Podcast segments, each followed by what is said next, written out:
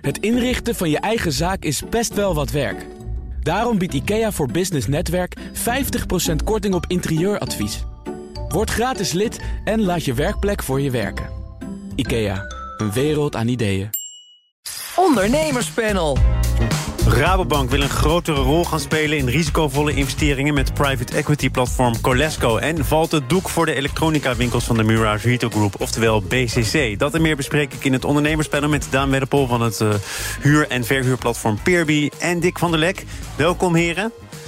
Dankjewel. Ik, ik twijfelde even over jouw aankondiging. Uh, want uh, ja, je bent wel vaker te gast in het ondernemerspanel... maar zelden op de dag dat je zelf een bedrijf opricht. Ja, uh, zelfs twee kleine bedrijfjes. Nou ja. Ja. Ik, was, uh, ik heb mijn leven lang, zoals je weet, in, uh, uh, heb ik leiding gegeven aan reclamebedrijven. En de laatste jaren heel veel te maken gehad met de Amerikaanse bestuurders. En uh, die heel kort op de bal zitten. Dus dat gaf me eigenlijk steeds minder energie. En ik kreeg steeds meer energie van fotograferen, wat eigenlijk een hobby was. En uh, van het coachen van jonge mensen, wat ik binnen onze brancheverenigingen ook deed. En uh, nou ja, ik heb eind vorig jaar besloten om, om daar mee verder te gaan. Tenminste, om daarover te denken. Dus ik ben uit DDB Amsterdam gestapt. En ik heb vorige week mijn KVK-nummer gehaald. Vandaag is de aankondiging van het bedrijfje Board Supporter, waarmee ik dus jonge CEO's en managers, managementteams in uh, reclamebedrijven coach en begeleid. En uh, ik heb een uh, fotostudio in Bussum. Ik heb een opleiding gedaan in het voorjaar. En die twee komen bij elkaar uh, doordat ik al mijn coaching of uh, mentorsessies begin in de studio met interviews en met uh, portretfoto's. Is het nog een risico dat iets wat je leuk vindt nu professioneel gaat aanpakken en dat daardoor vanzelf ook weer wat minder leuk wordt en iets meer werk? Ja, dat zou je kunnen zeggen, maar ik moet ook nog een beetje werken. Dus, en ik, uh, mijn vader is 87 en die werkt nog drie dagen in de week. Dus ik heb ook helemaal niet een horizon van niet werken. Maar dat risico zit er altijd in. Zo misschien als het uh, wat plichtmatiger wordt in een hoog tempo... wat minder uh, leuk zijn dan wanneer je het hobbymatig doet. Maar uh, het is, zijn in ieder geval twee dingen waar ik uh, ja, nogmaals heel veel energie van krijg. Voordat ik erover ga zeuren, gefeliciteerd. Ja, dankjewel. Twee bedrijven opgericht. Mensen zoals jij. Daar wordt Nederland groot van. Zo is het. Zo is het. Uh, Daan, een uurtje of elf geweest. koffie alvast genoten, vermoedelijk. Kranten gelezen. Wat is je opgevallen? Ja, ik zag dat er een biografie van Elon Musk is uitgekomen vandaag. En ik had het de afgelopen weken al met verschillende mensen over. Van, ja, wat is er nou gebeurd met die man? Uh, want een, een, een, klein decennium geleden uh, kon hij wat mij betreft helemaal niet stuk. En wat mij betreft is hij nu toch best wel een heel eind stuk.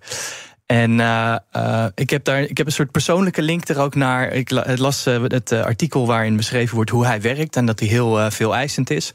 En ik, uh, ik heb zelf uh, met zijn college uh, roommate gewerkt. of gewerkt. Hij, was, hij, was, mijn persoonlijke mentor. En zij hebben een beetje. Ik herken een beetje hun stijl. Namelijk hele hoge eisen stellen. om een voorbeeld te geven. Mijn, mijn, mentor zei op een gegeven moment. of volgens mij in de week van kerstmis. zei hij: Hier heb je een huiswerk. Dat is 40 uur werk. Succes. Als je echt wil ondernemen. Dan is dit hoe het eruit ziet. Dan ben je gewoon met de kerst lekker aan het werk. En, en, als je dat stom vindt. dan moet je het niet inleveren. En dan zijn we ook gewoon klaar. Dat is prima. En. Um, dat uh, herken ik een beetje in, die, in die, de, hoe Elon Musk lijkt te werken. Maar, maar stel dat je dat ja. toch voor elkaar krijgt in de week van kerst, 40 ja. uur werken aan die opdracht. Dat is toch nog geen teken dat je stuk bent. Dat is misschien meer een teken dat je nee, overambitieus bent. Nee, dus, en ik vond dat dus heel fijn. Want wat hij, wat hij heel goed deed, was de mensen die echt uh, willen performen eruit uh, trekken en, en die steunen. En mensen die, nou ja, die misschien wat minder gemotiveerd zijn, die vallen dan af. En ik dacht van ja, maar waar, waar gaat dit dan voor mij mis? En ik, ik denk dat het waar het voor mij zit, is in de vrijwilligheid. Dus als jij uh, hele hoge eisen wil stellen en heel veel risico wil nemen, dan moet het voor een keuze zijn voor anderen om daar aan mee te doen. En Elon Musk is langzaam maar zeker in een domein gekomen waar mensen geen keuze meer hebben. Waarbij ze afhankelijk zijn. Hè, waar hij de boel komt overnemen en ze eruit kiepert. Of uh, waarbij hij uh, beslissingen gaat nemen, geopolitieke beslissingen gaat nemen, die die, wat mij betreft, waar hij niks mee te maken heeft. Uh, Ga je en... dat boek wel lezen? Of ben je min of meer genezen van Elon Musk en denk je, hij zoekt het maar uit verder en dat boek kan maar gestolen worden? Nou ja, ik ben toch nog wel benieuwd, want hij, hij doet een paar dingen goed. Alleen ik denk dat het een klein beetje in zijn bol uh, uh, geslagen is. Is dat de uitdrukking? Hoog in zijn bol. Hoog in zijn bol. Uh, dat hij denkt dat hij daarom alles maar goed kan en, en alles maar moet regelen. En ik denk dat hij daar zich toch in vergist. We gaan naar iemand die grote ambities had met onder andere Intertoys, Blokker en BCC. Michiel Witteveen, de Mirage Retail Group. Intertoys staat in de etalage en gisteren werd over BCC bekend dat het uitstel van betaling heeft aangevraagd. Witteveen was gisteren niet echt bereikbaar voor commentaar we hebben het geprobeerd. Hij heeft wel het een en ander gezegd uh, tegenover uh, de collega's van het Financiële Dagblad. Onder andere, ik krijg het niet meer op de rit. Het verdienmodel klopt niet. Uh, waren jullie ook al tot die conclusie gekomen? Nou ja, ik had vorige week zelf ervaring met een lokale winkelier. Hè, vergelijkbaar met een BCC waar ik een, een router kocht. En nou, die gaf keurig advies. En ik zei bij de kassa van, ja, vorige keer dat ik hier was ik koop hier graag, betaal ik gewoon 20% te veel ten opzichte van bol.com. Kun je aangeven wat nu het verschil is? Nou, wederom 20%.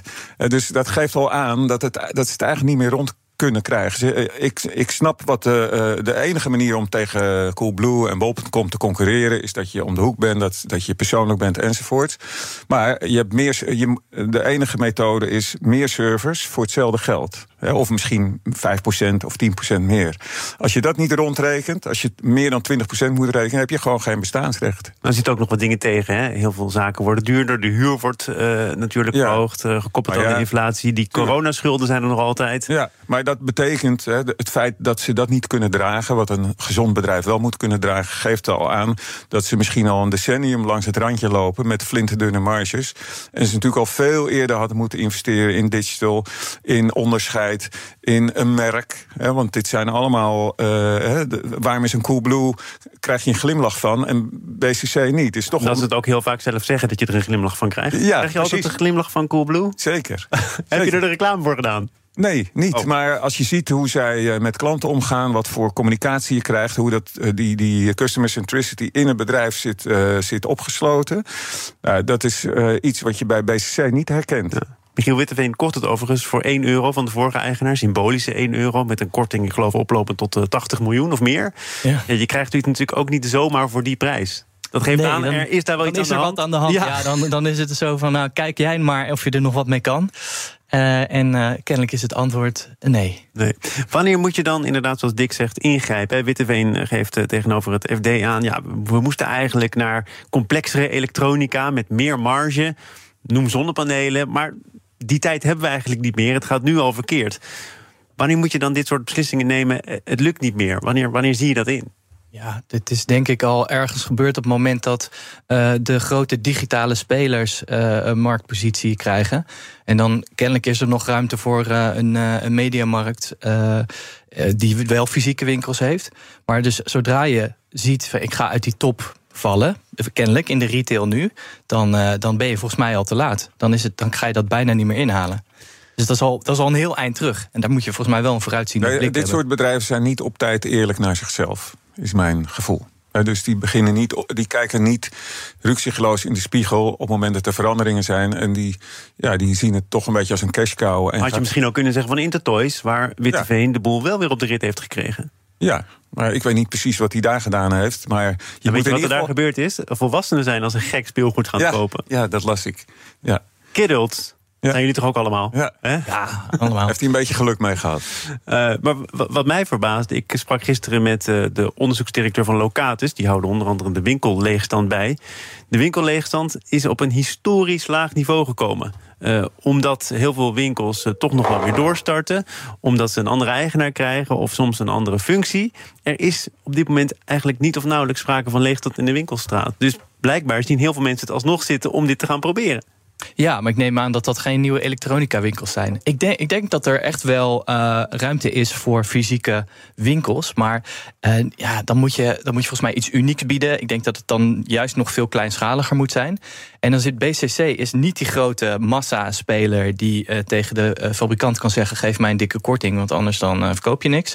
En ze zijn ook niet dat hele leuke lokale spelertje waar je het gevoel hebt van: ik krijg echt nog goed advies van de eigenaar zelf, die er heel veel van af weet. Het is allemaal ja, net een beetje niks, denk ik. Wat vinden jullie er eigenlijk van dat volgens mij, net als bij Van Moof, winkels dan dicht moeten omdat mensen met hun waardebonnen of kapotte spullen voor de deur staan en de veiligheid van medewerkers in het geding is? Dat was gisteren bij BCC echt aan de orde. Ja, dat, dat lijkt me verschrikkelijk. Want uh, ik bedoel, die uh, werknemers die hebben, het al, uh, die hebben al enorme onzekerheid. Als je dan ook nog dit soort dingen in je werk tegenkomt, ja. ja dan, dan voel je wel dat het einde heel dichtbij is. Die mensen in die winkel die hebben dit natuurlijk ook niet veroorzaakt. Het is wel, het is wel sneu, ja. En je baan kwijtraken en dan buiten een boze menigte. Ja, dat is, uh... Waarbij ik bij, als je, uh, weet ik veel, 3000 euro voor een vermogen hebt uh, aanbetaald. Uh, vind ik nog wel wat anders. Dan zou jij je ook melden. Dan zou ik me ook melden. Uh, maar uh, voor een tegoedbon zou ik me toch wel wat anders gedragen. Maar een kapotte droger? Ja. Nee, dat kan. We gaan naar Rabobank. Zaken doen. Thomas van Zeil. Dick van der Lek en Daan Wedderpols en de leden van het ondernemerspanel. De vraag naar private equity investeringen is de afgelopen vijf jaar met 50% toegenomen tot 27,5 miljard euro. Rabobank heeft daarom besloten ook indirect in die snelgroeiende markt te stappen met het nieuwe platform Colesco. Daarover schreef het Financiële Dagblad gisteren. Ja, eh, voordat we het over verkeerde dingen hebben, wat gaat Rabobank nu precies doen, denk jij, Daan? Ja, ik denk dat ze gaan investeren in grote bedrijven. Dat ze daar aandelen in gaan nemen. En dat, dat vinden zij dan heel hoog risico. Ten, want ten opzichte van de hypotheek is dat uh, spannend. Uh, maar uh, ja, vanuit een start-up wereld bezien is dat volgens mij nog steeds relatief veilig en saai. Maar dan verstrekken zij dus geld aan private equity investeringen of maatschappijen die stappen in bedrijven. En zo pikt Rabobank oh, graantje mee. Zij, investeren in private equity. Dus ze hebben zelfs nog een mandje private equity. Ze worden eh, niet direct aandeelhouder. Oh ja, ja, ja. ja. Oké, dus nog wat abstracter. En nou ja, maar daarom vroeg ik me af, wat is dit nu voor keuze geweest? Hè? Bedoel, ik, ik, kan me zo voorstellen dat private equity populair geworden is... omdat banken de kredietkraan dichtdraaiden. Dat heeft zo'n vlucht genomen dat Rabobank nu misschien wel denkt... goh, we missen hier de boot. Dus wij gaan nu niet zelf in die bedrijven stappen... maar wel via private equity. Ja, ik vind, vond het eigenlijk wel slim. Ik denk dat er heel veel bedrijven zijn die inderdaad bij die banken niet meer aan hoeven te kloppen. Of je moet bij meerdere banken tegelijkertijd een soort combinatie maken. Nou, dus op deze manier uh, ze toch hun uh, investeringsgeld kunnen losmaken. Plus het feit dat ik denk dat zo, zodra Rabobank eraan gekoppeld is met het merk en met de organisatie, dat het misschien wat minder uh, korte termijn. En, en, uh, want die, die private equity partijen die uh, stappen vaak in, geven het bedrijf een enorme impuls. Maar halen dan eind tweede jaar de kosten eruit. Derde jaar gaat het in de etalage en pakken ze een multiplier.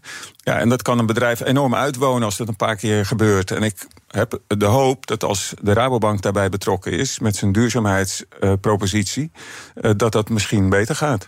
Maar doe je dan eigenlijk direct zaken met Rabobank? Want er wordt in de berichtgeving gezegd: uh, Colesco, dat uh, nieuwe vehikel, dat kan gebruik maken van en het netwerk en de kennis en het geld van Rabobank.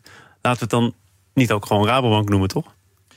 Ja, uh, het is een beetje verwarrend. Uh, maar zij zijn, dan neem ik aan, niet gebonden aan een aantal uh, dingen waar Rabobank dan wel aan gebonden is. Ik ze vermoed dat, dat dit Ze zijn natuurlijk benauwd dat zo'n groot bedrijf en zo'n groot merk risico gaat lopen. Reputatieschade of op een andere manier uh, aansprakelijk gesteld wordt. Dus ik vermoed dat ze het om die reden een beetje van de Rabobank afpositioneren ook. Laten we even kijken naar wat er uh, bij Colesco zelf over gedacht wordt. Danny Vroegop gaf gisteren een toelichting op BNR. Het komt echt voort uit de klantvragen die we zien. we proberen bedrijven te helpen, met name op strategische momenten. door een financiering te verstrekken waar ze normaal, normaliter meerdere banken voor nodig hebben. Dit is inderdaad uh, eigenlijk uh, al een aantal jaren in opkomst. Uh, maar dit is ja, voor ons moment om hier in te stappen. Kijk, wij spelen hè, met name proberen een rol te spelen op, op een aantal strategische punten of thema's. En dat zijn thema's die alleen maar gaan groeien in de toekomst. Dus mm -hmm. dit is eigenlijk wel het goede moment voor ons om, om mee te beginnen. Ja, dan gaat het over de energietransitie, duurzame voedselproductie en de inclusieve samenleving. Heb je dan de prioriteiten goed op orde en weet je ook waar de komende jaren het geld zit? ik zeg, uh, klinkt heel goed. Klinkt heel goed. Ja, dat zijn maar ja, het is ook zo breed dat je denkt, goh, de hele wereld kan eronder vallen. Ja, de, meestal is toch de, de thesis bij. Ik, ik heb veel meer verstand van venture capital dan van private equity. Is de thesis wel iets specifieker dan, uh, dan dit. Uh, maar ik neem aan ook voor hen dat ze iets uh, breder. Of, hè, of wat, een wat nog wat stevigere theorie hebben over waar ze precies in willen investeren. Um, ja, ik, sorry, ja, ik ben, ik ben even altijd bij private equity. Ik ben, ik ben gewoon echt een start-up ondernemer. Ik vind het allemaal een beetje saai en risicoloos. En, uh, weet je, maakt me allemaal niet zo uit. Ga gewoon investeren in start-ups. Daar is nu dat tekort. Uh, er is een enorm tekort in de markt. Daar, daar, daar moet nou echt iemand Nee, maar Daan, ik heb je cue begrepen. We gaan het over andere dingen hebben. Zometeen namelijk over, ja, ook interessant, het stalken van je personeel. Interessant. Laten we dat dan maar gaan doen. Zometeen dus, in het tweede deel van dit panel. Dat ondernemerspanel bestaat uit Dick van der Lek, oprichter van liefst twee bedrijven vandaag. En Daan Weddepol van Peerby. Wanneer richt jij weer eens een nieuw bedrijf op? Ja, wordt wel eens tijd, hè? Nee, wordt wel eens ik tijd. ben denk ik nog wel vijf jaar hiermee bezig, uh, zeker.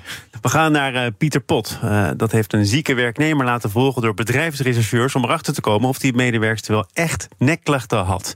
Vervolgens werd ze ontslagen, maar de werknemer liet het er niet bij zitten... stapte naar de rechter en met resultaat, want de rechter stelt daarin het gelijk... en Pieter Pot moet de vrouw nu 36.000 euro betalen. Daarover berichten onder andere RTL Nieuws het afgelopen, uh, de afgelopen dagen. Uh, zonder alleen maar over die zaak te praten. Dick, jij hebt iets vergelijkbaars meegemaakt? Ja, toen ik het artikel nog een keer goed las vanochtend, dacht ik, nou, dat is wel griezelig gelijkend op een situatie die ik zelf heb meegemaakt. Uh, van iemand die zich ziek meldde. En kijk, als je dit bericht leest, is het natuurlijk een smakelijk verhaal. Denk ook voor de, voor de media. Um, en denk je meteen dat die uh, werknemer is niet ziek, maar het bedrijf is ziek. Maar ik heb dus het aan de andere kant meegemaakt dat een werknemer zich ziek meldde. En uh, dat duurde en dat duurde. En dan ontstaat er een multidisciplinair team van een psycholoog, een arbeidsarts en je huisarts en een, en een, en een fysiotherapeut. Die het allemaal gaat beoordelen. En daar heb je het maar mee te doen. En uh, deze, uh, deze persoon, die uh, heb ik denk ik twee jaar door moeten betalen. dus dat is een behoorlijk bedrag. Dat is misschien wel een ton. En, uh, maar die, werd, want die had rugklachten. En kon niet werken. En die, is, die werd wel door allerlei andere mensen en collega's gesignaleerd. Elke week op dansfeesten waar, waar tot diep in de nacht gedanst werd. Ja, en toen dacht ik van ja, dat geld, die ton, die had ik ook kunnen gebruiken om andere mensen een salarisverhoging te geven. Want het feit dat zij werd gesignaleerd in het nachtleven betekent, wat jou betreft dan, dat zij niet heel erg leed onder haar klachten en prima had kunnen werken. Ja, want hier zeggen die bedrijfsrechercheurs... Uh, deze vrouw die heeft de vuilniszakken naar buiten geteeld... het kattenvoer, trap op, trap af. We hebben haar zien hupsen en dansen, niet mijn woorden. Zelfs zien headbangen op een festival. Is dan de verdenking terecht... Nou, beste mevrouw, het valt wel mee met uw klachten. Als een bedrijfsarts en een neuroloog die klachten wel hebben vastgesteld... Ja, dat is natuurlijk de grote vraag. Ben je, weet je dan medisch gezien dat er niks aan de hand is? Die rechercheur is natuurlijk geen, uh, geen arts. Volgens, als ik hier naar kijk, dan is er volgens mij vooral in de allerlei grijstinten van alles aan de hand. Van alles wat je niet leest eigenlijk uh, in, in dit stuk. Het klinkt vooral als een verziekte arbeidsrelatie tussen die werkgever en die werknemer. Het klinkt ook, als je kijkt naar een andere zaak, uh, een tijd terug van een, was een monteur die zich ziek gemeld had, maar wel jarenlang thuis lekker aan het klussen was.